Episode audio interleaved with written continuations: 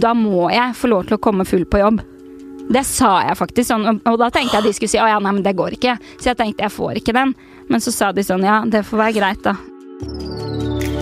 Hun fikk jobb i Energy som 20-åring, og har siden det leda radio- og TV-program med en it-faktor og sjarm som gjør at man bare må like henne. I dag er hun aktuell i Sportsklubben med Gutta krutt og med sin egen kjærlighetspodkast som topper iTunes veke etter veke. Jeg snakker så klart om Ida Fladen! Tusen takk, veldig hyggelig å være her. Veldig hyggelig at du ville komme. Hvordan er livet om dagen? Livet, det Tja, det er ikke så halvgærent. Det er sånn midt på treet. Eh, begynner å glede meg til sommer. Da, da kommer jo humøret òg. Men det er sånn, ja, terningkast tre. Helt jevnt. Jeg elsker at du er så ærlig. Ja. Må jo det. Det, nå kjenner jo hele Norge deg som uh, i Ida. Som tuller veldig masse. Mm. Var du sånn på barneskolen? Nei. Eh, nå har jo ikke jeg den beste hukommelsen, da, men eh, av det jeg kan huske, så var jeg eh, ganske stille. Jeg var eh, Eller jeg, jeg, jeg vil si at jeg hadde liksom to sider. Eh, jeg var veldig sånn rampete og litt sånn ufordragelig. Eh, men det var bare på en måte da de voksne ikke så meg. Eh, for jeg var veldig opptatt av at de voksne skulle tenke at jeg var et englebarn. Så, så på skolen, eh, så i timen og sånn, så var jeg sånn som gjorde alle leksene og, og kunne alt. Og jeg tror jeg var veldig opptatt av å liksom fremstå bra for de voksne. Men etter skolen så var jeg sånn som kunne Da gjorde jeg masse Jeg sloss. Eh, jeg sloss med guttene. Ehm, ja, det gjorde jeg, for jeg har alltid hatt veldig temperament. Eh, og da jeg var liten, så klarte jeg ikke helt å kontrollere det. Så hvis noen av guttene sa stygge ting, da, så istedenfor å liksom bli lei meg og begynne å gråte, Så så, liksom voksebøllen fram. ja, så gikk jeg til angrep, rett og slett. Litt sånn flink pike på deltid. Ja, ja, men eh, ja, det, var, det er veldig rart. Jeg har tenkt på det mange ganger, at jeg var en utrolig sånn, splitta personlighet som, eh, som liten. Men, eh, men det verste som kunne skje, var hvis noen voksne fant ut at jeg at jeg hadde slåss eller gjort noen ganske stygge rampestreker. Eller, så jeg var liksom god på, god på å skjule det, og de gangene jeg ble tatt, da var, raste verden sammen. For da liksom sprakk hele det flink pike-imaget mitt. Hvordan var karakterene? Var du flink? Eh, ja. Um, jeg var jo det. Altså, jeg tror ikke jeg er noe sånn født eh, eh, skolegeni, men jeg jobba meg til å bli det. Så jeg eh, jobba utrolig mye med lekser, leste veldig mye før prøver. Og hadde vel ganske høye karakterer, både på, på ungdomsskolen og videregående. Men jeg måtte jobbe for det. Det var ikke noe som kom naturlig til meg. Jeg er ikke noe sånn vidunderbarn skolemessig, egentlig. Men eh, hvis man leser nok, så blir karakterene gode. Eller øver nok. Ja, det var litt deilig å høre, syns jeg. Ja. Så flink du er. Eller hva? Ja, var, jeg, jeg, Var flink. Få si var. Hva gjorde du når du var ferdig med videregående? Da eh, søkte jeg Journalisthøgskolen i Oslo. Kom selvfølgelig ikke inn. Eh, eh, Var du lei deg for det? jeg var litt sånn Altså, da igjen så var det jo litt sånn Ja, men det er vel det jeg skal søke, da. For at jeg skal jo jobbe med, med radio. Eh, så jeg kom ikke på noe annet eh, å søke på. Um, så jeg, jeg tror ikke det var, det var ikke noe krise at jeg ikke kom inn, for jeg hadde ikke forventa det. Uh, men da kunne jeg i hvert fall si i den perioden at jo da, men jeg har søkt. Uh, jeg har søkt der. Så kom jeg ikke inn, og da var jeg sånn oi, shit. Fordi det å ta et friår var liksom ikke så akseptert, eller uh, Jeg var jo veldig sånn Ja, flink pike, da. Så det var jo på en måte, følte jeg, da, forventa at jeg skulle ta en høyere utdannelse. Men da kom jeg jo ikke inn der, og så kom jeg litt tilfeldig over um, en sånn brosjyre om Dannevik folkehøgskole. Og der så jeg at de hadde radiolinje. Så da, litt sånn på, på slump, søkte jeg der. Der kom man jo alltid inn, da. Men, eh, og så ble jeg tatt inn, og så tenkte jeg ja, da, da får jeg bare gjøre det. Fordi jeg har ikke noe annet. Eh, og selvfølgelig syntes jeg det var spennende å skulle få lære mer om radio, da. Ja, og trivdes du, på, eh, du der? På Danvik? Ja, jeg gjorde det. Jeg trivdes veldig godt. Uh, I starten var det kjempeskummelt. Altså, det var jo bare i Drammen, og jeg er jo fra like utenfor Oslo, da, så det var ikke lange veien. Men uh, jeg syns det var veldig trist å dra hjemmefra fra mamma og søstrene mine. Og uh, jeg hadde litt sånn problem med å, å komme inn i liksom de gjengene og den kulturen, eller hva jeg skal si, da, som er på en, på en folkehøyskole. Men uh, da jeg først gjorde det, så, så, trivdes jeg veldig, veldig godt. Ja, jeg føler at alle har veldig positiv erfaring med folkehøyskole, men det er jo veldig sånn uh, gøy konsept. Altså, sånn, jeg er veldig nysgjerrig på hvordan det funker, sånn, i praksis, hvordan det er å være på en folkehøyskole. Men mm. uh, det høres jo veldig gøy ut. Ja, det er veldig gøy. Det er jo Eh, det er jo det første liksom, møtet med å bo alene, fordi selv om du er i et lite samfunn der, og, så skal man jo liksom klare seg selv, så det er klart det er jo veldig, veldig spennende. Og så møter man eh, folk som er gjerne annerledes enn seg selv, da. Og det er jo, hva for meg, og er sikkert for veldig mange, veldig sånn nytt. Fordi du kommer fra ungdomsskolen og videregående, det er veldig grupperinger. Der er de kule, der er nerdene. Dette er de som liker sport. Mm, yeah. Altså sånn at det er og, og man har kanskje alltid søkt de som er like seg, da. Men på folkehøyskole så blir man på en måte satt i en situasjon hvor uh, du er nødt til å gå litt ut av komfortsonen hva angår andre mennesker å være rundt, da. Mm -hmm. Så det husker jeg var en sånn skikkelig skikkelig aha-opplevelse for meg. At eh, eh, Altså, jeg var jo i radioklassen og tenkte først sånn åh, det er bare nerder her. Åh, det er ingen Og så Ja, men jeg kan jo si det nå, det er jo helt idiotisk, liksom. Men jeg var sånn jeg var så misfornøyd med klassen. Og så, men så hang vi jo der, og jeg måtte være sammen med de, så var jeg sånn fy fader her er det så mye bra mennesker, kule folk, som har masse å lære meg av uh, hvordan, uh, ja, hvordan, de kler seg, hvordan de ter seg. Uh, og da oppdaget jeg at det er mye mer spennende å være venn med folk som er annerledes seg, enn folk som er helt like. og det tror jeg, altså den det hadde man sikkert kommet fram til til slutt uansett, men på folkehøyskole så får du den midt i fleisen. Og da var det helt sånn fantastisk, husker jeg, å bare få den der åh, nå skal jeg prøve å bare bli kjent med flest mulig som er veldig ulik meg, og det er jo dritkult. Så deilig å høre. Ja. Fra folkehøyskole gikk det veldig raskt til du eh, plutselig fikk din første programlederjobb mm. i morgenshowet Energy. Ja. Når du bare var 20 år gammel. ja. Hvordan landa du den? Nei, altså på den folkehøyskolen så kunne man gå noe som het uh, et sånt påbygningsår. Hvor man ble utplassert i en uh, mediebedrift eh, som praktikant da, i et mm. skoleår. Så jeg hadde jo ikke noe annet å gjøre, så jeg søkte, søkte på det, da, som praktikant i da Energy. Så fikk jeg den, og så øh, jobbet jeg der. Først det litt sånn praktiske ting og sånn, men så fikk jeg liksom fort være på lufta, da. Eh, og etter det eh, skoleåret så ble jeg ansatt der som programleder. Altså, hvordan gikk du fra sjenerte, usikre Ida til å lede et så populært radioprogram? Det er et godt spørsmål. Noe må ha skjedd der. Men jeg hadde nok god selvtillit på, eh, på formidling, da. Um, og har alltid hatt liksom en følelse inni meg at det er noe jeg er god på. Det er jeg eh, flink til. Um, og så hadde kanskje litt sånn dårligere selvtillit på eh, det sosiale ofte, og, og særlig uh, møte med nye mennesker. Var alltid veldig sånn trygg og kul blant mine. Men jeg husker sånn begynne på nye fotballag eller på folkehøyskole.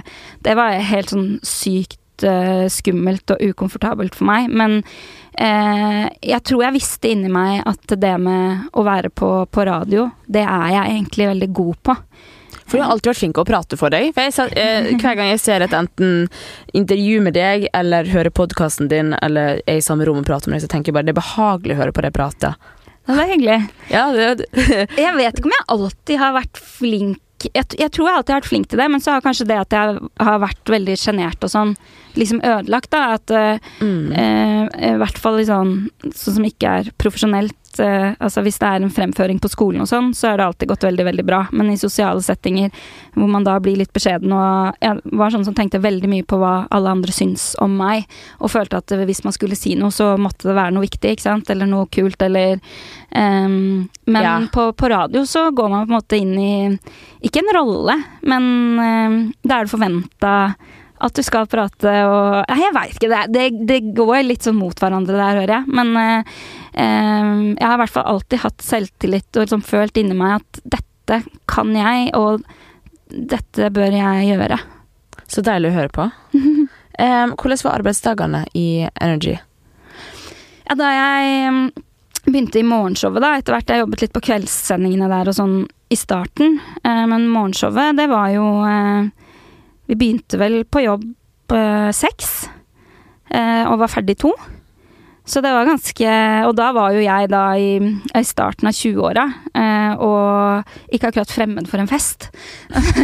så, eh, så det ble faktisk eh, ganske mye sånn rett fra nachspiel og på jobb og sånn. Og jeg hadde faktisk Altså, den samtalen måtte jeg ha med sjefen min da, før jeg gikk over i morgenshowet. Så sa jeg altså, har det klikka for dere? Dere må jo skjønne at ikke jeg kan jobbe morgen.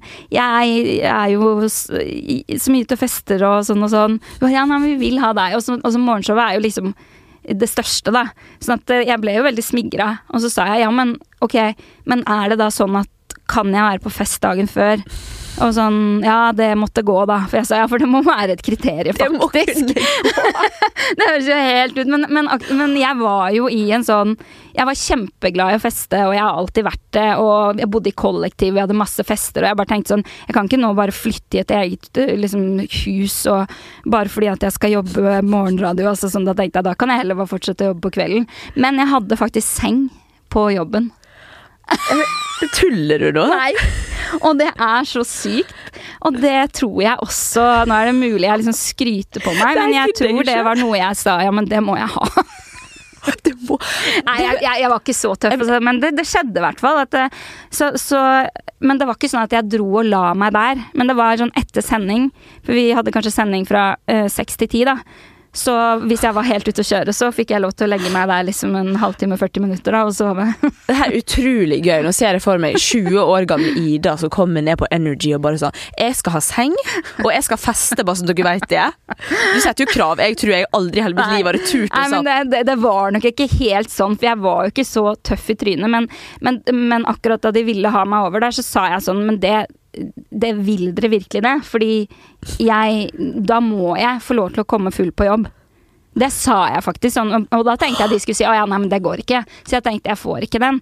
Men så sa de sånn ja, det får være greit, da. Det høres ut som nesten du har opparbeida litt respekt, da. For de, ville, de syntes du var så flink og ville så ha deg.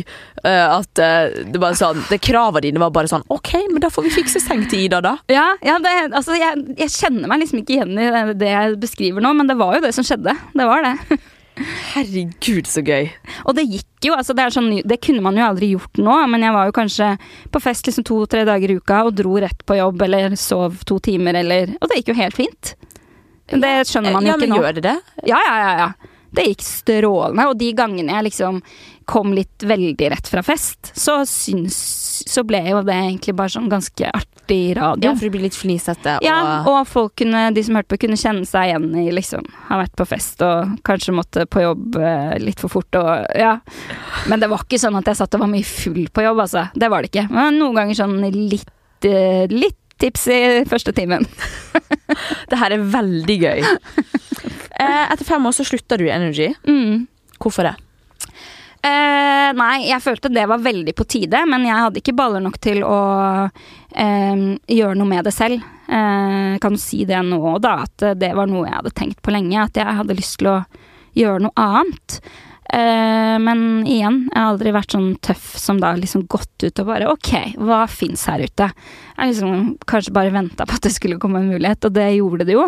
For da ringte de meg fra P3 og hadde lyst til å Ja, i starten var det vel i hvert fall teste meg på et nytt musikkprogram de skulle ha der, da. Eh, så jeg tror jeg var på en audition, eh, og så fikk jeg den, da. Så da, da gikk jeg til P3. Så flink du er. ja, jeg, vet ikke, jeg veldig stolt av å høre på deg. Kult. Hvordan var det å jobbe i P3? Um, jo, det var eh, Jeg trivdes veldig godt. Det var litt krevende å på en måte komme fra en kommersiell radiokanal som Energy, som jeg følte i hvert fall at det var liksom noen som skua litt på meg sånn OK, kommer fra liksom Energy og inn i P3. Altså P3 er jo ganske sånn kredibelt da, i forhold til eh, Kom du med samme krav her? Nei, nei, nei, nei, var det ingen krav, og det var ikke morgenradio heller. Eh, så jeg syns det var det, det, var skummelt. Eh, jeg følte at jeg liksom virkelig måtte bevise, ganske lenge egentlig, at jeg hadde noe der å gjøre, da. Um, men uh, ja. Men jeg trivdes. Ditt første T-prosjekt ble Prosjekt Perfekt Ja. på NRK. Mhm. Hvordan var det? Det var eh, veldig, veldig gøy. Eh, jeg kom på i stad, for jeg tenkte meg litt om sånn før vi, vi skulle spille inn det her, at til den jobben var jeg, var jeg på audition. Eh, det var en sånn stor audition eh, i, innad i NRK, da. Så det var jo kjempemange. Som eh, Det er veldig mange som tror at den serien er laget til meg, men det er den ikke. Den ble jo var et lite wildcard i bunken der, var ikke du? Det er det jeg har Ja, hørt rykte om. Å, ja, har, har du hørt rykter om det? Yes. Ja, det kan hende. Altså, jeg bare visste at jeg hadde veldig veldig lyst, fordi da jeg hørte om det programmet, så eh, følte jeg at det liksom appellerte veldig til meg, da, med at det skulle være, eh, være ærlig og åpent og ja. Eh, handle litt om livsstil og sånn, som jeg definitivt trengte da også, en endring på. Så jeg tenkte bare åh, det har jeg veldig lyst til, samtidig som det var egentlig ikke noe jeg turte i det hele tatt, da, å gå på en programlederaudition. Da hadde jeg jo aldri gjort noe annet enn radio før. Eh, men jeg gikk på den auditionen, da, husker jeg, den var ganske omfattende, altså. Det var tre deler. Så husker jeg jo ikke helt hva det var, men det var en hel dag hvor vi holdt på. Um, og det siste var at vi skulle spille inn en sånn videodagbok.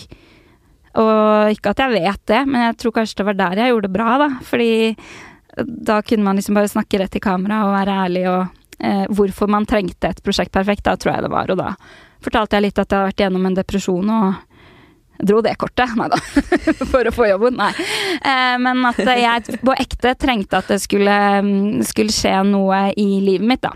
Så ja, så fikk jeg jo den eh, jobben. Det var dritkult. Det var mange liksom sånn gode programledere som søkte og sånn, og jeg var jo ingen. Så det var skikkelig Ja, da var jeg stolt da jeg fikk den. Og hvordan var det å være på TV for første gang, og så personlig? Eh, det var så sinnssykt uproblematisk. ja, eh, det var jo det det var mest på en måte snakk om, alle rundt meg og profesjonelt, at liksom dette er utleverende, og dette kommer til å koste, og Du skal tarmskylles eh, live på TV, liksom. Ja, jeg Ikke live, men Nei, for at man tenker jo kanskje at uh, det å være så personlig og uh, hva skal man si, naturlig i litt sånn staged settinger, at det er noe man trener seg til. Men jeg tror bare at uh, jeg er ikke bedre enn at jeg ikke klarer å bare være den jeg er, uansett, hvis du skjønner. Og det er ikke fordi 'å, jeg er så flink', men det er fordi jeg er ikke proff nok til å ta på meg en rolle. Altså sånn at jeg bare Mm. Ja, jeg er den samme på TV som jeg er hjemme med venninnene mine, og det er jo veldig enkelt, for da er det bare én måte å være på, liksom. Jeg syns det er utrolig befriende med deg at du er så ærlig. Jeg tenker Det var veldig deilig for deg i livet ditt at du bare For det er veldig få mennesker som er Ja, helt ærlige. ja det Hvis man er tenker sånn, Det er veldig få som er det. Bare sånn så utrolig deilig at man liksom Man veit alltid hvor man har deg. Ja, jeg skulle ønske alle rundt meg var sånn, da, for eh, jeg syns det er veldig frustrerende å vite at veldig mange funker sånn at de sier én ting, men kan mene noe annet og tenke noe annet. Da blir jo jeg helt gæren. Fordi sånn er jo ikke jeg. Det jeg tenker, det sier jeg, og det sier, det mener jeg, liksom. Ja, du er helt sånn befriende ærlig. sånn som hun er på TV og sånn som hun har vært i ulike serier. og Det er det er jo akkurat sånn hun er, da. Så hun er liksom så, så ekte uansett. Så, også Det er vel hennes styrke, at hun har eh, stått frem og fortalt om ting akkurat, akkurat sånn det er. Og satt fokus på litt vanskelige ting, da, som veldig mange andre eh, ønsker å snakke om. Liksom, når vi ser henne på TV, eller, så er hun, hun er jo sånn. Uansett. Det er jo sånn hun er. Så, og det, det er jo så fint, da. mamma! det var koselig. Men eh, em, hvordan var den TV-produksjonen her? Den pågikk jo i seks måneder. Mm. Og det var jo livsstilsendring, og eh, du måtte jo by masse på deg sjøl. Du måtte teste ut masse nye ting. Var det, hvordan påvirka det her deg? Den hukommelsen min, da. Skal vi se. Fikk du tid til å være sosial ved siden av det her? Hvordan så livet ditt ut på denne tida? Nei, altså um, Livet ble jo snudd på hodet, fordi dette var jo ikke bare Nå er du på jobb åtte til fire, men dette var jo Nå skal du leve sånn her i så mange måneder.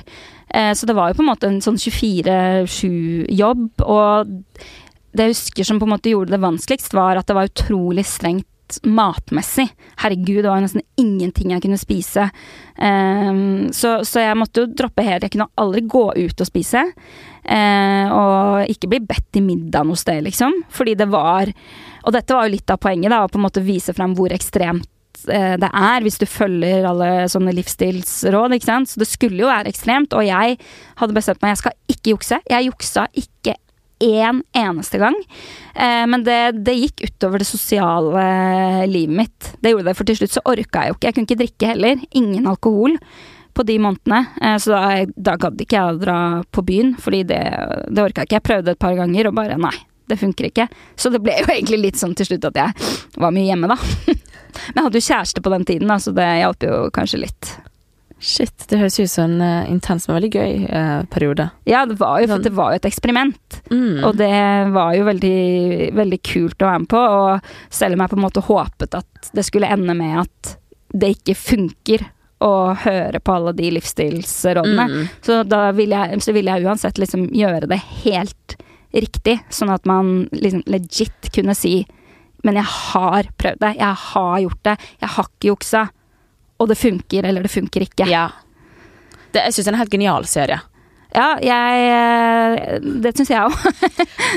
husker du første gang du så deg sjøl på TV med Prosjekt Perfekt? Eh, Åssen var det der, da? Vi hadde vel en premierefest, tror jeg, på Prosjekt Perfekt, som var Åh, det var så skummelt, husker jeg. Da var jeg dødsnervøs. Da var alle i familien min der, vennene mine.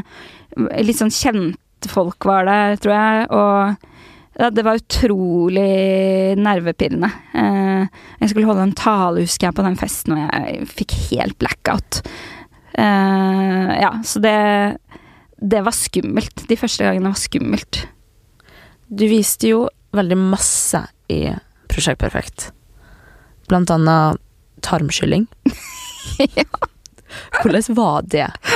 Å vise det, eller å ta det? Å vise det. Og ta det, for den saks skyld. Nei, altså, var Altså uh, Nei, det, var, det syns jeg var uh, utrolig flaut. Uh, å se på det etterpå, og ta det og var dødsflaut. Var det vondt? ja, det, det, var veldig ubehagelig, altså. For får jo noe oppi rumpa, liksom. Uh, uten å avsløre for mye, men det har ikke jeg fått før. Så Så det var veldig rart. Og så husker jeg uh, da vi var på Gullruten det året, uh, og Prosjekt Perfekt var nominert. Ja, Og du òg var nominert? Ja. Det var jo bare helt, du var jo den som var nominert til flest priser. Ja, gud, nå var det ikke det jeg skulle Nei, men, skryte av, men, men, det som var da Hver gang det var sånn um, Og de nominerte er så hadde de det bildet sånn over hele skjermen av, eh, av tarmskylling. Da jeg tok det, og så, så var det sånn først meg, at jeg ligger der, og så kom bare sånn bæsjen min sånn flytende, og det var liksom i salen i, oppe i Bergen der, og det var så flaut. Hver gang, liksom. Og da var jeg sånn Ok, dere kunne ikke tatt noe annet. Men Du ser den bare sånn seile forbi. Ja, den seiler forbi. Herregud. Det er jo det er veldig naturlig, da, men uh... Jo, men det, det, var uh, Det var rart, det der, altså. Regissøren din, Jønn Berge Larsen, har snakka veldig varmt om deg som programleder. Oi. At du er åpen, folk får tillit til deg, og at du er veldig ærlig. Men at du òg har noen svakheter. Ja. Nei, altså hun er jo kanskje litt lat, om det er lov å si. Eh, kan liksom gå litt fort lei av ting. Og likevel bedre å sette i gang nye ting enn å gjøre ferdig noe.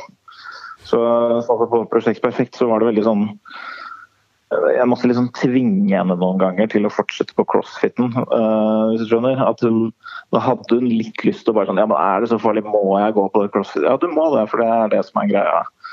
Uh, så hun er litt lat. Det, det er hun. Jeg er så skjønn. Når han sitter og snakker sånn, så blir jeg sånn Å, ser jeg for meg liksom at han var sånn Ja, Ida, nå skal du på den crossfiten. Ja. og så gjør du det. Er du enig ja. i det han sier? Å ja, ja, ja, jeg er enig. Eh, at jeg er lat, det eh, er eh, helt korrekt. Jeg er kanskje litt skuffa over at Jørn drar det opp i liksom, jobbsammenheng. Eh, for det føler jeg ikke. Men de tingene jeg og Jørn har laget sammen, har jo vært mer sånne ja, som har gått over måneder, ikke sant. Eh, både Happy Go Lucky og Prosjekt Perfekt har jeg laget med Jørn. Eh, og da, da blir jo liksom jobb og privatliv blandes veldig, da. Så, så da blir det litt vanskelig for en lat person å ikke vise at man egentlig er lat når jobben går hele døgnet. Men, men jeg tror også liksom at jeg er Jeg vet ikke om han sa det nå, men, men eh, at jeg er jo Jeg er utålmodig. Jeg er utrolig utålmodig, og det å lage TV det tar jo faen så lang tid. Eh, sånn, det, det, jeg kan kjenne på den følelsen nå, når jeg, vi sitter her og prater om det. Det der med Bare ta det en gang til. Um, kan du gå opp der, og så, og så, går du ned igjen. Og så vent litt, så skal vi bare fikse litt på kameraene her. Altså et, et, liksom et bilde da, som skal vare i, ti sekunder, kan jo ta en og en halv time. Og, det, og sånn er det. Eh, det er sånn det funker. Men da kjenner jeg at altså, det sitser inni meg. Fordi at eh, jeg liker jo sånn smekk, smekk, smekk. Og jeg elsker at du sier det. Ja, ja. Nå liker jeg mer som person når du sier det. Du er, jeg hører at du er effektiv. Du liker at ting skjer. Smekk, ja. smekk, smekk, som du sier. Sånn at hvis jeg er lat, uh, for å komme tilbake til det, så da det tror jeg først og fremst i liksom TV- og jobbsammenheng er når ting drøyer ut. Men du kom deg gjennom crossfiten og eh, vant faktisk gullrute for eh, Prosjekt Perfekt. Ja. Hvordan var det å høre Prosjekt Perfekt blir ropt opp som vinner? Nei, det var helt, det var helt sykt, egentlig. Eh, det, altså, når jeg ser tilbake på det, altså, for da var man midt oppi og jeg var sånn Å ja, ja vel. Um, ja, fem nominasjoner, ja. Kult, liksom. Jeg, eller jeg syns jo på ekte det var kult, eh, og kjempestas, men det er jo først sånn når jeg ser tilbake på det nå, bare sånn hvor sjukt det var. Eh, og jeg husker da vi var i Grieghallen, der de lager det. Og eh, det var så utrolig mye oppmerksomhet på meg. Det var veldig, veldig rart. Men det som var, var at jeg hadde jo gått på en smell. ikke sant? Jeg hadde jo fått en hjernerystelse eh, bare en uke eller hva det var, før Gullruten. Så jeg kunne egentlig ikke dra. Jeg lå egentlig bare i et mørkt rom. Det her er så typisk meg, Kristine. Det her er så story of my life. Det skjer alltid noe. Så, men så var jeg sånn, herregud, jeg kan jo ikke ikke dra. Eh, men, men, liksom fram til jeg gikk på rød løper, så hadde jeg ligget i et mørkt rom i to uker, liksom. Jeg var så dårlig. Så kom jeg inn der med bare blits og folk som sånn hei, hei, her, her, rød, rød. Jeg var helt fjern. Eh, men da hadde jeg jo smelt noen meldinger til eksen min og sånn, da. Eh, det, det, var jeg egentlig ganske fornøyd med. du var det? ja. Eh, ja. Jeg sa et eller annet om han, da, i takketalen min. Sånn diss, da. det er gøy. Jeg hadde veldig Den har jeg lyst til å høre noe, merker jeg. Ja. Jeg husker ikke hva det var nå, men jeg tror jeg var sånn takk til alle som holdt ut uh, under denne innspillingsperioden. Uh, familie, venner, uh, eksen min. Å nei, vent, han holdt ikke ut, han, nei. Sånn eller noe. Å, det er gøy! Det er gøy! ja, og den er ikke bitter heller, det er bare sjukt fair. Det er sånn. ja, altså for han, han dumpa meg jo rett etter vi var ferdige å spille inn. Han var jo med i serien eh, også, eh, og så skulle vi ha en sånn tre måneders eh, på en måte pause eh, før vi skulle spille inn siste episode, som var litt sånn 'hvordan har det gått'? Eh, og på de rett eh, da de tre månedene starta, da, starta, så var han sånn Sayonara's, jeg gjør det slutt. Så det var helt sånn Jeg var jo Jeg var dødsbitter, liksom, og såra og Men var det Eh, hadde det, det her prosjektet noe å si for det? Det er det veldig Det er vanskelig å si, eh, fordi jeg har aldri fått noe svar fra han på eh, hvorfor han stakk. Men sånn Jeg kan jo se tilbake på eh, det i ettertid og Ja. At det, det, er mulig det ble litt mye for han, men han sa jo ikke ifra at han syntes det var for mye heller, så eh, Ja, det kan hende at det var liksom Uh, det heter jo ikke prikken over i-en, men det som fikk begeret til å renne over. Prikken over i det er jo ikke det, det er det motsatte. Hallo, nå fikk jeg lyst til å lage en episode med deg, Kristine med hjertet i handen. Mm. ja, for nå gikk vi litt inne på kjærligheten. Ja. Men uh, alt henger jo sammen, vet du. Det gjør det. Året etter Prosjekt Perfekt så får du ny jobb mm. i TV 2. Ja. Hvordan var det? Eh, skal vi se, det var jo eh, veldig stas. Um, jeg trivdes jo veldig godt i, i NRK, og jeg kunne egentlig tenkt meg å blitt der. Men eh, jeg fikk ikke noe ordentlig jobbtilbud videre der, eh, fordi kontrakten min eh, gikk ut.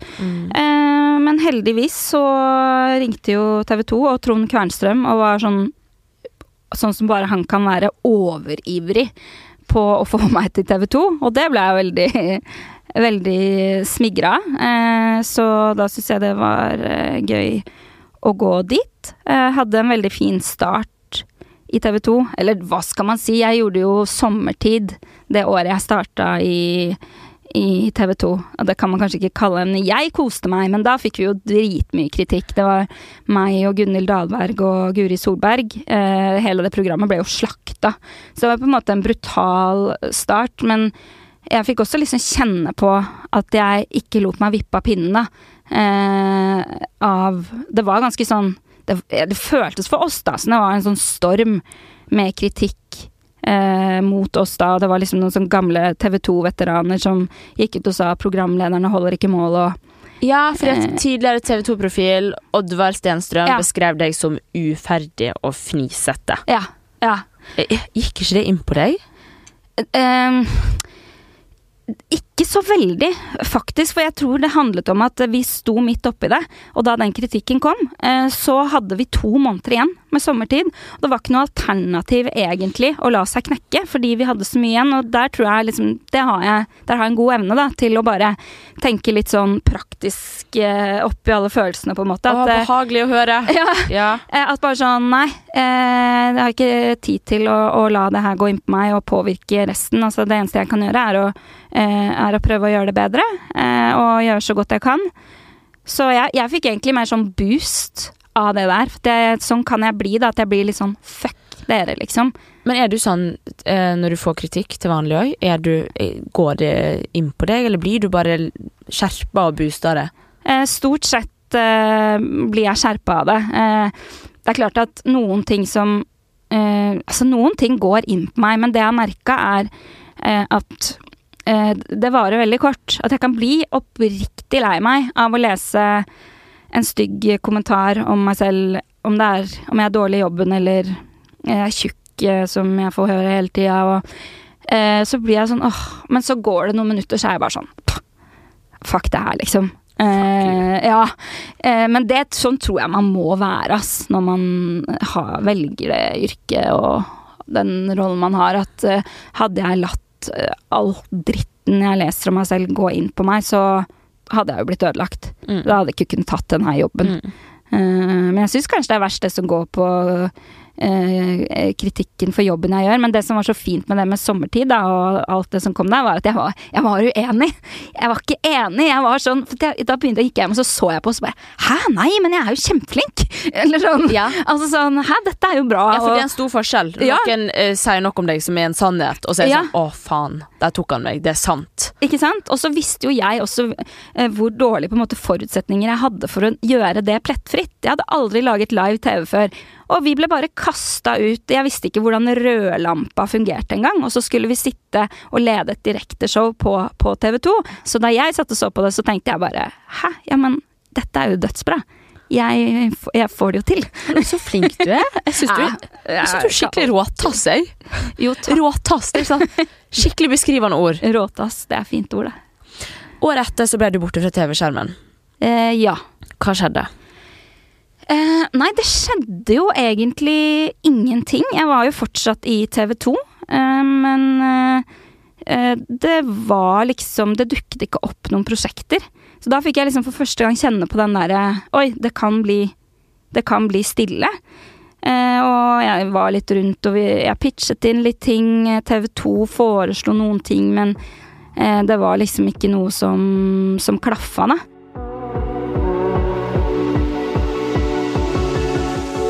Folk tror jo at eh, jeg var syk og ikke kunne jobbe og, alt det der, eh, men det stemmer egentlig ikke. Det var, det var liksom uh, dødperiode.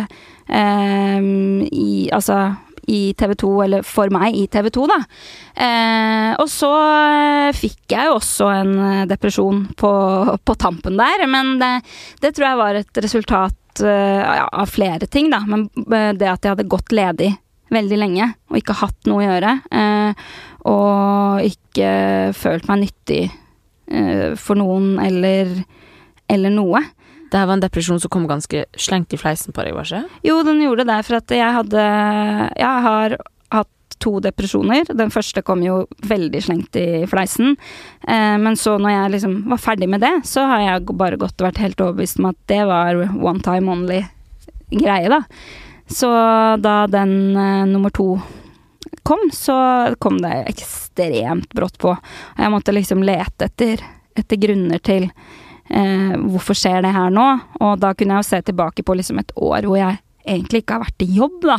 Hvor man hele tiden går og venter på noe nytt og eh, Jeg tror nok det i hvert fall var en av årsakene til at det skjedde. Eh, men selvfølgelig, akkurat da, når den depresjonen kicker inn, så dukket det jo opp et prosjekt, da. Um, og da ble jeg jo dødsstressa, for da var jeg sånn herregud, jeg vet ikke jeg, om jeg klarer dette nå, uh, og nå har jeg ikke gjort noe på lenge, og nå må jeg virkelig prestere, og bla, bla, bla, du vet, alle de tankene der. Mm, så var det vel jeg som foreslo uh, til slutt bare sånn Unnskyld meg, kan ikke vi heller bare lage noe om den jævla depresjonen her? Uh, og da var de sånn Oi! Og da var jeg egentlig veldig godt i gang med nå husker jeg ikke hva det andre var engang, ja, men vi var godt i gang med et annet programkonsept, da. Og så sa jeg sånn, kan vi være snill å lage noe om depresjon? Eller bare hvordan jeg har det akkurat nå? Eh, fordi det var veldig vanskelig for meg å liksom late som det ikke var noe galt, når det var noe galt. Eh, og altså, det hadde ikke vært laget så veldig mye TV om eh, psykiske lidelser da. Eh, det var jo ikke snakket så mye om. Eh, det høres ut som det er 20 år siden, men der har ja, det jo skjedd Ting har utviklet seg raskt de siste åra. Ja, det har jo det. Så jeg husker alle var litt sånn Å ja, men, men vil du det, og oi, skal vi det, og Ja, for det, det her nå det her er starten på Happy Go Lucky. Det stemmer. Enda mer personlig enn Prosjekt Perfekt. Ja. Så jeg husker jeg var oppe på liksom kontoret eh, til sjefen til i TV 2, da, eh, og sa bare Please, kan vi ikke gjøre dette isteden? Og da var alt, alle hjulene hadde begynt å spinne. Det er egentlig ikke mulig å gjøre om et planlagt program sånn. Men han, eh, Trond Kvernstrøm, da, som var sjef da, han tror jeg hadde veldig troa på det, fordi jeg hadde veldig troa på det. Så da bare liksom switcha vi alt, og det var masse styr. Altså, jeg var jo ikke så delaktig i det, jeg bare skjønte at dette er ikke bare noe man gjør. Men så gjorde vi det, og så ble det da eh, Happy Go Lucky, som eh, Ja, det ble en serie om liksom hvordan, hvordan bygge seg selv opp igjen etter en depresjon, da. Hvordan var det for deg? Jeg må tenke, Det er utrolig sterkt å lage en serie om noe av det mørkeste man kan oppleve. Mm. Det var um, Det var både og. Um, fordi jeg hadde jo Altså, da jeg foreslo dette, så da var jo jeg enig med meg selv om at ja, men det er jeg klar for. Det har jeg lyst til å lage noe om, selv om det er personlig eh, og vanskelig. Og da du kom med den ideen her, var det her oppi depresjonen? Var det etter depresjonen? Eh, ideen kom vel sånn Det er mange år siden. Men det var oppi depresjonen. Ja, for man føler jo deg deprimert i ja. Happy go lucky. Ja, ja. Jeg syns jo det, bare det, da, at man, at man, er i stand til å komme opp med uh, ideer og være så på, og være så engasjert i noe når man er i depresjon, ja. det står det stor respekt av. Jo, takk. Uh, altså, men jeg vil ikke si at jeg var midt oppi det, for da kan det jo være ganske mørkt, da. Mm. Men uh, den var ikke over. og da vi, da vi begynte å spille inn, så var den sånn på vei til å gå over. For jeg tror ikke det er Det hadde ikke vært noe fett å filme meg da jeg lå liksom i et mørkt rom uh, og var, var, midt oppi det. Um, så det er jo på en måte veien ut da serien ble. Uh, og jeg syns som sagt det å dele uh, det som er personlig, ikke er så krevende. Men det som var krevende, var at det skulle være Det er TV, og det vil bli regi eh, og noen som skal mene noe om hvordan det skal gjøres, uh, uansett. Og det syns jeg var veldig vanskelig, um, fordi man kan jo ikke styre Altså, i dag skal vi spille inn dette, i dag uh, hadde det vært fint hvis du mente dette. Og det er sånn man gjerne uh, sier ja til ellers, men så sa jeg sånn Dette er dette er veldig liksom personlig. Altså, denne historien kan vi ikke regissere, fordi det blir så feil. Eh, så det var mye liksom diskusjoner med ja, de som produserte, og jeg tror det var det som var det vanskeligste, da. At, Fikk du ta eh, del i regien, da? Var det det? Eh, ja, jeg, jeg var med på mye. Um, men så kommer vi til slutten, og så er det sånn ja, vi mangler noen videodagbøker. Altså, så, og sånn er det jo ofte. Man må sy det sammen, og det skal gi mening, og så, så får man litt sånn ja, kan du si eh, Kan du si, eller du skal si, dette. eh, Kan du dykke inn i den følelsen her, i ja, og jeg kan her? godt dykke inn i følelser, men når det ble pålagt meg følelser som jeg ikke hadde hatt på det tidspunktet, da ble det en konflikt. Ja. Eh, men vi, det ble løst, altså. Men det var nok det mest krevende med det, at eh, det skulle liksom passe inn i et format. Min depresjon skulle passe inn i et TV-format, da. Mm. Men det ble veldig fint, Takk. og veldig viktig å dele. Ja, jeg ble veldig fornøyd med, med sånn det ble til slutt. Happy Go Lucky var det siste du gjorde i TV 2. Ja. I 2018 så slutta du i kanalen. Mhm. Hva var det som skjedde der? Ehm, ja, guri, der er hukommelsen min igjen, da. Hva, eh, det som skjedde, var vel at eh, da hadde det gått ganske lang tid fra vi spilte inn uh, Happy Go Lucky, um, og jeg kjeda meg. Uh, jeg tror ikke TV 2 fant liksom ikke noe å plassere meg i, så, så vi ble vel egentlig enige om å avslutte det, det samarbeidet. Eh, jeg, altså, må være ærlig og si at jeg skulle gjerne fortsatt å jobbe der, men, men ikke, ikke uten å ha noe å gjøre. Det ble lange perioder eh, uten å ha noe å gjøre, og det spiste meg litt opp. Så jeg var veldig nervøs da vi avslutta det. Mm. Det var jeg. Var veldig stressa, for at selv om jeg ikke hadde gjort noe, så hadde jeg jo hatt inntekt eh, derfra. Så plutselig ble jeg sånn herregud, shit, kanskje jeg plutselig ikke har noe penger, og kanskje det ikke dukker opp noen ting. Det var en sånn litt sånn utrygg periode karrieremessig, da. Ja, hvordan føles det å ikke ha jobb? Eh, nei, det, er, det var en veldig uvant følelse, fordi det Jeg har jo hatt jobb eh, siden Ja, altså mer eller mindre fast jobb siden jeg var 20, da. Så plutselig stå på bar bakke var litt sånn Shit. Men så dukka det jo opp nye ting veldig fort, da. Så jeg var ikke redd så lenge. For oppi det her så lanserer du podkasten din, Ja. som har blitt kjempepopulær. Ja, den har jo det. Det er veldig, veldig gøy. Ida med hjertet i hånden, en av mine favorittpodkaster. Den er så fin, virkelig. Tusen takk. Hvordan kom du på å lage denne podkasten? Nei, det er jo Jeg har jo yrkesskade, ikke sant. At uh, jeg skal alltid drive og lage ting om noe som skjer i livet mitt. Men det er, det er sånn jeg får ideer til ting, da. Ikke sant. Nå fortalte jeg jo nettopp om at jeg var deprimert og gikk til TV 2 og sa nå skal jeg lage en serie om, om depresjon. Uh, så hadde jeg jo kjærlighetssorg, da. Og ble jo dumpa så til de grader. Uh, og så tenkte jeg Jeg hadde tenkt lenge på at jeg hadde lyst til å lage podkast, da. Men ikke kommet på noe konsept eller tema. Så tenkte herregud, kjærlighet. Kan jeg lage noe om det? Var liksom inne på sånn eh, hvordan komme over kjærlighetssorg, liksom, som handlet om meg. Eh, Men så hadde jeg også lenge gått og tenkt på at jeg hadde lyst til å eh, gjøre noe som ikke handlet om meg. eh, som ikke var meg i, i fokus. Jeg synes Etter Happy Go Lucky så fikk jeg sånn fy faen, nå er det mye Ida i monitor. Eh, ikke for at jeg liksom det ikke gikk så inn på meg, men mer fordi sånn ah, Blir det ikke litt mye meg nå for folk rundt? Og samtidig har jeg alltid tenkt at jeg er god på å prate med, med mennesker, da, og få, få folk til å åpne seg. Så jeg hadde jo lyst til å lage en podkast eh, som gjorde nettopp det. Hvor jeg kunne eh, ja, få, få andre til å prate, og få andre til å by på seg selv, da. For jeg tenker, det, er, det virker som en vanskelig podkast å starte opp. Sånn, nå er den eh, fantastisk bra, og eh, du får jo inn hvem du vil, virker det som. Og folk syns det er veldig gøy å komme til deg og prate. Mm. Eh, men eh, det er jo en veldig privat og veldig personlig eh, podkast, Mm. som kanskje ideen kan virke nesten umulig i starten, at folk skal komme og blottlegge hjertet sitt. Ja. Hvordan var det å starte opp denne podkasten? Eh, på en måte startet jo med at eh, jeg delte en del, da.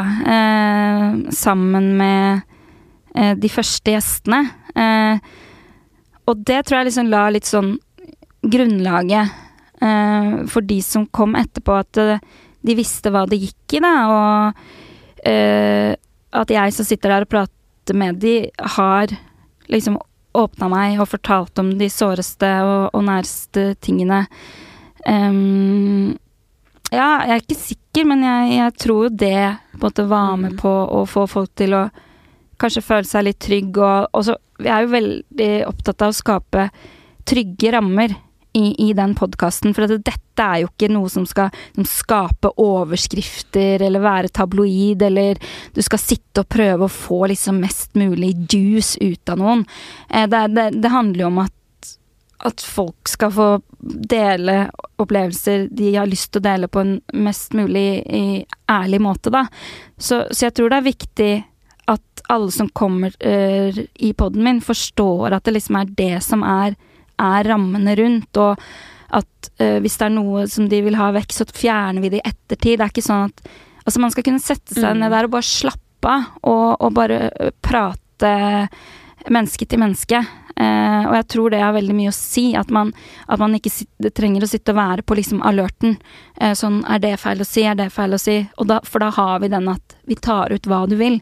Bare Mm. prat. At det skal ikke være noe sånn regi og ramme på det. Selv om det er jo det, det er jo planlagt. Jeg har jo spørsmålene mine, og jeg har gjort research, men Nei, jeg vet ikke. Jeg syns det er veldig gøy å se at det kan få andre til å føle seg så komfortable i en setting som kanskje egentlig er litt ukomfortabel med å med å snakke om sårbare temaer, da. Det er ikke hvem som helst som hadde klart det. Ja, det er kanskje ikke det, jeg vet ikke. Jeg har null selvtillit på intervjuteknikk og det å lede en podkast. Altså fortsatt, eh, det har gått veldig bra, og jeg får mye skryt, men jeg har null selvtillit på det.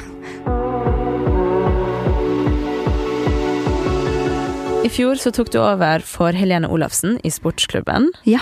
på VGTV. Mm. Hvordan var det? Og her, altså, eh, for det første, da jeg skulle ta over etter Helene, fikk jeg jo helt panikk. Fordi at jeg var sånn Å, hun er jo så flink og flott, og hun er jo idrettsutøver, og jeg følte meg sånn Åh, jeg hadde ikke lyst til å bli målt opp mot eh, henne. Men det som var, var at jeg ble egentlig litt sånn lurt inn i sportsklubben, fordi jeg ble egentlig spurt om jeg kunne være vikar eller gjest da, i én episode. Jeg var sånn, ja ja, det er ikke noe stress. Og så gjorde jeg det, og da hadde jeg aldri sett på sportsklubben før. Jeg bare went with it da vi satt i studio, liksom. Og bare sånn, ja, det var jo gøy. Så var det sånn, ja, men da ses vi neste uke. Så jeg bare, hm? Så bare, ja ja, men du, du er jo med, du nå. Det er jo, du, jeg vet ikke, du kjenner jo litt til de gutta, det er jo helt Ja, ja, meg rundt. Men så var jeg sånn, å ja. Ja. Så var jeg bare sånn, ja, men jeg har ikke tenkt på om jeg vil det, men så bare, ja, jeg vil jo det. Og så plutselig bare jobba jeg der. Så det skjedde litt sånn, eh, og det var jo litt sånn, hva er det jeg, hva er, det jeg er med på? Hva er det her for noe? Men jeg skjønte det jo fort, da. Men du glir jo rett inn. Det er det som er så gøy. Ja, det, for jeg elsker jo eh, altså Sportsklubben, det er på en måte ingenting er forberedt. Og det er bare Du skal bare ta det som kommer til deg. Og det, det som blir kasta på deg i studio, liksom. Og det er sånn Det, er, det liker jeg. Det er litt sånn utfordring. Eh, pluss at jeg liksom Jeg er ikke så nøye på om jeg klarer å respondere på det, eller om jeg sier noe morsomt, eller jeg er litt sånn. Det er ikke så farlig, men jeg liker de Nå, nå babler jeg. Altså, nå har jeg nå har noen putta på en femmer her siden, for nå snakker jeg jo. Nei, det er kjempegøy. det er Det. det man skal her. Jeg liker veldig godt å se det med deg gutta. Jeg. Det, ser, det er bare helt herlig å se på. Du glir godt inn. Ja, jeg føler at jeg, at jeg passer godt inn og har liksom lært meg hvordan ting funker der. Og jeg hadde jo ikke blitt der så lenge hvis ikke jeg hadde følt at det var noe som passa meg. Fordi det er liksom den andre siden min, den litt sånn et, noe man ikke får lov å si lenger, tror jeg, men den litt sånn guttejenta. Eh, og um, ja, som er litt sånn gæren og gi litt faen. Den, det får jeg virkelig utløp for Mm. der. Eh, Ja, det må være veldig befriende. Du, frilanser nå. Hvordan er det å frilanse versus å være fast ansatt? eh, altså det er jo det, det kommer sånne drypp hvor jeg tenker sånn herregud, jeg vet ikke om jeg har inntekt om et år. Eh, men sånn som podkasten og, og, sportsklubben, det er jo Man vet jo i hvert fall at det varer, om det er et halvår eller to år med sportsklubben nå, da. Um, men det er jo litt usikkert. Men sånn trivselsmessig så er det jo det beste jeg har hatt det uh, når det gjelder jobb på veldig lenge, da.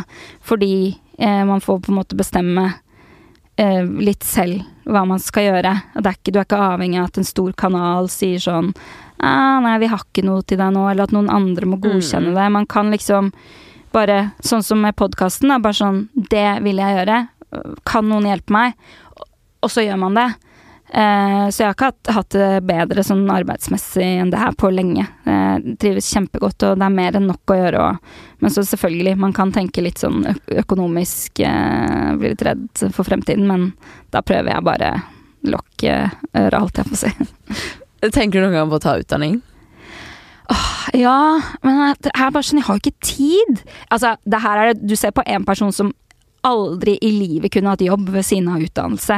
Altså, jeg blir helt stressa av bare å tenke på det. Det kunne jeg ikke gjort. Da måtte jeg gått all in i det. Jeg har jo ikke utdannelse, ikke sant. Jeg har jo bare folkehøyskole. det er ingenting, men av videregående, da. Eh, så jeg bare Jeg tror ikke Jeg veit ikke, men jeg har tenkt noen ganger på det. Jeg kunne tenkt meg å bli lærer. Det har jeg. Så jeg har det kanskje som en slags sånn Altså, jeg, en ting som jeg håper jeg ikke må, men uh, Eh, jeg har lyst, men håper ikke jeg må. Ja, ja men sånn jeg, jeg, har lyst til å jobbe med, med, formidling, og jeg kunne ønske enn så lenge at jeg kunne gjøre det eh, helt til jeg ble pensjonist. Men det er jo absolutt ikke sikkert det skjer. Eh, da tror jeg at jeg har liksom lærerutdannelse som en sånn liten, liten backup. Åh, da må jeg utdanne meg først. Ida som ja, lærer. Jeg tror, jeg tror Jeg elsker jo barn. Herregud, ja. jeg elsker barn. Og så kan du prate hver dag og ja kommunisere og formidle og lære. Å, oh, du har kledd deg veldig. Takk. Det kan skje. Har du oversikt over økonomien din som frilanser? Uh, Smiler du stort der? Uff, jeg er jo ikke Jeg er jo ikke sterk på økonomi, det er jeg ikke. Men uh, altså, stefaren min er uh, regnskapsføreren min, da, så han har vel oversikt. Så jeg vet jo til enhver tid at at jeg har nok eh, liksom nå og noen måneder frem. Eh, det gjør jeg. Altså, det er ikke sånn at jeg bare plutselig Oi, nå er det ingenting på kontoen. Jeg, jeg, vet hva jeg har, og jeg får liksom Jeg sparer litt og sånn. Men altså, hvis du hadde spurt meg nå sånn, hva tjente du den siste måneden eller det siste halvåret, så hadde jeg ikke peiling. For pengene kommer jo litt sånn i rykk og napp, da. Ja. Eh, men eh, Altså, det kommer eh, Det kommer fra ei som nettopp fikk purring fra skatteetaten. Ja. er aggressive purringene. Fy faen, aldri igjen. Ja, det er kjempeskummelt. Ja, og der brevene er så sinna. det er første gang jeg har fått. Men ja. bare det her ja, altså jeg bare sender det videre til stefaren min med en gang. Jeg er sånn ja, Fiks det her! 33 år, men Nei da. Men du var jo lenge ansatt i TV 2 uten uh, å jobbe. Mm. Hvordan gikk det med pengene, da? Fikk du Ja, nei, jeg hadde jo Jeg fikk jo samme lønn uansett om jeg ja. gjorde noe eller ikke gjorde noe. Mm. Så økonomisk uh, var det aldri et problem. Men uh, altså Jeg vet ikke, jeg, jeg ble jo gæren i huet av det, liksom. Og så er det sånn at du hele tiden går og venter på at det skal dukke opp noe. Jeg mm. trodde jo hver mandag, så tenkte jeg denne uka her skjer det. Ja. Ikke sant? Fordi du får ikke noe sånn altså, ja, nei, Vi ser etter et program, og så selger man inn en, inn en idé selv, og så tar det litt tid, og så får du nei etter liksom så og så lang tid. Så det er ikke sånn at jeg kunne ja, nå, Men da tar jeg meg en reise, jeg. Ikke sant? Det kunne jeg jo gjort, men jeg, jeg trodde jo Jeg følte jeg hele tiden måtte være tilgjengelig. Ja, eller ta seg en deltidsjobb eller begynne å studere, for man, man kan heller ikke det. Fordi det, det, kan, det, kan, dukke opp noe snart. Hadde jeg visst at det skulle ta liksom ni måneder, så hadde jeg selvfølgelig begynt på noe annet. Men jeg trodde hele tiden at, at ja. nå skjer det, da. Ja, jeg forstår det kjempegodt. Eh, så, så det, den situasjonen kommer jeg aldri til å sette meg i igjen. Jeg må vite at jeg har, at jeg har noe å gjøre. Men en ting jeg lurer på. I forhold til hvor mange Instagram-følgere du har, så legger du ut veldig få sponsa innlegg. Ja. Er det med vilje? Ja. Um, ja, nå skal ikke jeg Jeg elsker at du fortsatt bare er ærlig, Ida. Det er ikke noe sånn åh, Nei. Mas og sjas og sponse overalt. Det er bare du, er Ida. Ja, men eh, jeg syns jo det er um, at man Jeg vet ikke hvordan jeg skal si det her uten å liksom mm, tråkke på noen, men Tråkke Tråkk vei. ja, men at jeg syns man kan miste litt troverdighet da, ved å eh, legge ut for mye, for mye reklame. Kanskje særlig når man har liksom startet som noe helt annet enn det som nå heter en influenser. Eh, de som har starta med, med blogg og som kommer inn nå, der forventer man det, på en måte. Men jeg har jo startet med liksom TV og gjort ting som er ekte og eh, alt det der, så jeg føler at det liksom ikke er helt meg og plutselig skulle legge ut masse annonser for ting, da. Eh, Men jeg gjør det jo innimellom, og det er klart det er jo fristende. Herregud, det er så mye penger! Altså, jeg skjønner jo at folk gjør det. Det er, snak det, er, det betaler jo så godt. Så noen ganger så svir det, liksom, når jeg sier nei. Jeg tenker bare faen. Kunne nesten dratt på ferie, liksom. Men eh, som Ja, det kan, ja, det kan nesten være litt dumt sikkert å gjøre det, men eh, jeg bare føler at det ja, det er, det er ikke meg, og eh, ja, selv om det er mye penger, så blir det Ja, jeg, hadde skjønt, jeg hadde ikke skjønt bæret om du plutselig reklamerte for beta-karoten. Da hadde jeg vært sånn Hva skjer?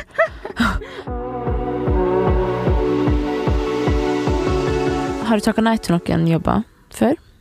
Oi, guri. Jeg husker det var et sånt makeover-program en gang, hvor de gjerne skulle ha meg til å Og da sa jeg bare, men har det klikka for dere, liksom? Altså sånn ha, og da var ikke jeg jeg var, jeg var Ja, jeg var ganske ny da, og jeg hadde, trengte desperat liksom å gjøre noe, men jeg bare At jeg skal liksom stå der og, og tror det er troverdig at jeg mener at folk trenger en makeover, og at det er så Og da ble det litt sånn øh, Ja, nei, det er kanskje ikke det, men Var det kan- du som skulle få makeoveren?